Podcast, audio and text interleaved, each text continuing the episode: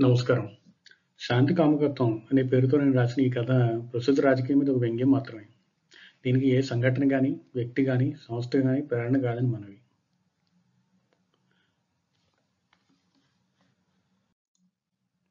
తెల్లారింది. గబగబా తయారై మంత్రిగారి పిల్లలకి పాఠాలు చెప్పడానికి వచ్చాడు రామచంద్రం. కోవిడ్ భయంతో అందరూ పాఠాలు ఆన్లైన్లో చదువుతుంటే మంత్రిగారు మాత్రం తప్పనిసరిగా వచ్చే చెప్పాలని ఆజ్ఞాపించారు. మంత్రుల ఆజ్ఞలు తప్పక సాగించాలి కాబట్టి రామచంద్రం నాలుగు పొరలు ముసుగు తగిలించుకుని తన సొంత సముద్రాపం సీసాన్ని ఎవరో పెట్టుకుని వచ్చాడు. ఏటి దగ్గర ఏర్పాట్లు దిట్టంగా ఉన్నాయి. ఒక శుద్ధి చేసే సొరంగం ఏర్పాటు చేశారు. అది దాటిన తర్వాత ఉష్ణపు తుపాకీలు పట్టుకున్న భటులు యూనిఫామ్లో భయంగొల్పేలా ఉన్నారు. అన్ని చెకింగ్లు దాటుకుని మెల్లగా లోపలికి వచ్చాడు రామచంద్రం. శ్రీవారు అప్పటికే స్నానం చేసి పూర్తి వేషం వేసుకుని సింహాసనం లాంటి కుర్చీలో కూర్చుని ఉన్నారు. దగదగలాడుతున్న తెల్ల బట్టలకు మ్యాచింగ్ లాగా ఒక తెల్లని ఖాదీ ముసుగు ఆయన మెడలో వేలాడుతుంది గదిలో ఆరేడు మంది భృత్యులు దూర దూరంగా నించుని ఆయన నోట్లో వచ్చే ప్రతి మాటని జాగ్రత్తగా వినే ప్రయత్నం చేస్తూ వినయంగా శ్రీవారినే చూస్తున్నారు. అందరికీ తల్లముసుగులు ఉన్నాయి ఎవరి ఉద్యోగాలేమిటో ఎవరికీ తెలియదు. అందరిది ఒకటే లక్ష్యం. శ్రీవారు ఏం చెప్తే అది అక్షరాల అమలు చేయడం. శ్రీవారు ఎందుకనో కోపంగా ఉన్నట్టున్నారు. వాడా వాడి నిలువున నడకండి నా అంటూ ఒక చప్పరాన్ని బూత్తో ముగించే శ్రీవారు అగ్గి మీద గుగ్గిలం అవుతుంది అదిరిపడ్డాడు రామచంద్రం. ఎవరి మీద శ్రీవారి ఆగ్రహం అన్నాడు గుమ్మానికి దగ్గరలో ఉన్న బుచ్చపరమాణుని. ఆ వెంకట్రావు గారు వృద్ధాశ్రమం ఓపెనింగ్కి శ్రీవారికి కావాల్సిన ముఖ్యమైన ఏర్పాటు చేయలేదు అన్నాడు భృత్యుడు. శ్రీ శ్రీహరి మాట వింటేనే ఆవేశపడిపోయి హిరణ్యకశిపుడిలా కనిపించాడు అతడు. ఈ కరోనా కాలంలో వృద్ధాశ్రమం ఓపెనింగ్ ఏమిటండి మతిలేదా అక్కడ శ్రీవారు మంది మార్పులతో వెళ్తే పెద్దవాళ్ళకి ఎంత రిస్కు నోరు నొక్కుంటూ అన్నాడు రామచంద్రం. ఉష్ మెల్లగా శ్రీవారు వింటే డేంజర్ అన్నాడు భృత్యుడు.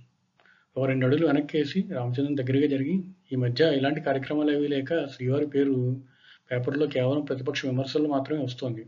అది కొంచెం ఇబ్బందికరమైన విషయమని శ్రీవారు ఎప్పుడూ ప్రజల చర్చల్లో మంచిగా ఉండాలని అన్నారు సెక్రటరీ గారు. అందుకని ఈ ఏర్పాట్లు చేశాం కొంచెం గుసగుసలాడుతున్నట్టు అన్నాడు.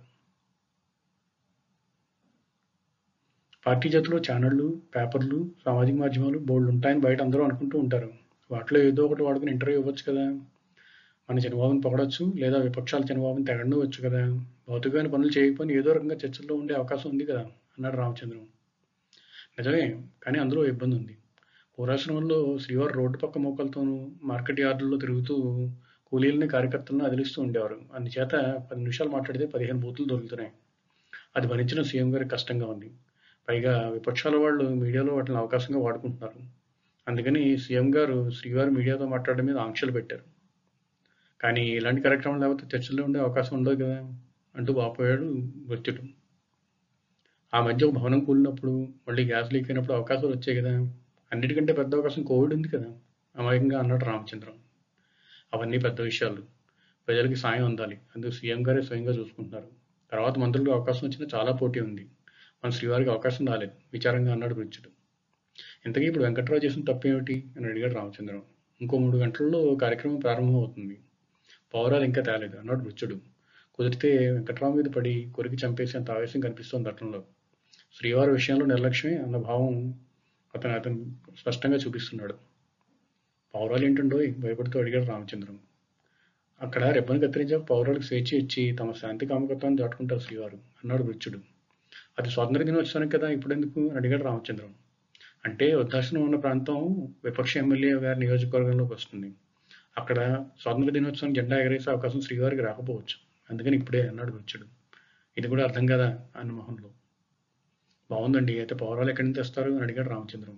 మీకు అస్సలు లోకజ్ఞానం లేదు సార్. పౌరాలని బోన్లో పెట్టాముకుని ఓబులేస్ దగ్గర నుంచి తెస్తారు. అందరికీ ఆయనే సరఫరా చేస్తాడు. వెంకట్రావు ఇంకా అక్కడ చేరనే లేదు. ఓబులేస్ మాత్రం మంచి తళతళలాడే తల్లని పౌరాన్ని రెడీ చేసి చాలాసేపు నుంచి ఎదురు చూస్తున్నాడు అన్నాడు బుచ్చుడు ముందు బంధించి తర్వాత బంధం వ్యక్తి చేయడమే శాంతి కామకత్వం అంటేనా అని అడిగాడు రామచంద్రం. మరి ఇంకో రకంగా ఎలా చూపించుకోగలం సార్. అయినా శ్రీవారు వదిలేసిన తర్వాత పౌరాలని ఎగురుకుంటూ మళ్ళీ ఓబులేసు దుకాణానికి వెళ్ళిపోతాయి. అతను మళ్ళీ వాటిని ఇంకో ఫంక్షన్లో వాడుకుంటాడు అన్నాడు భృత్యుడు. ఇప్పట్లో మన రాజకీయ నాయకులు అనమాట మన పార్టీలో గొడవలు వస్తే బయటికి పోయి మరో పార్టీతో బేరం పెట్టుకుంటారు. అక్కడ పని జరగకపోయినా లేక మన నాయకులు మనకి లాభం చేయడానికి ఒప్పుకున్నా మళ్ళీ ఎగురుకుంటే యజమాని దగ్గరికి వెళ్ళిపోతారు.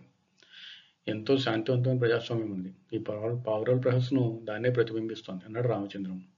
శ్రీవారు ఎదురుపడితే అలాంటి మాటలు అనకండి అన్నాడు భృత్యుడు. ఇంతలో వ్యాన్ నిండా బోన్లో పావురాలతో దిగాడు వెంకట్రావు.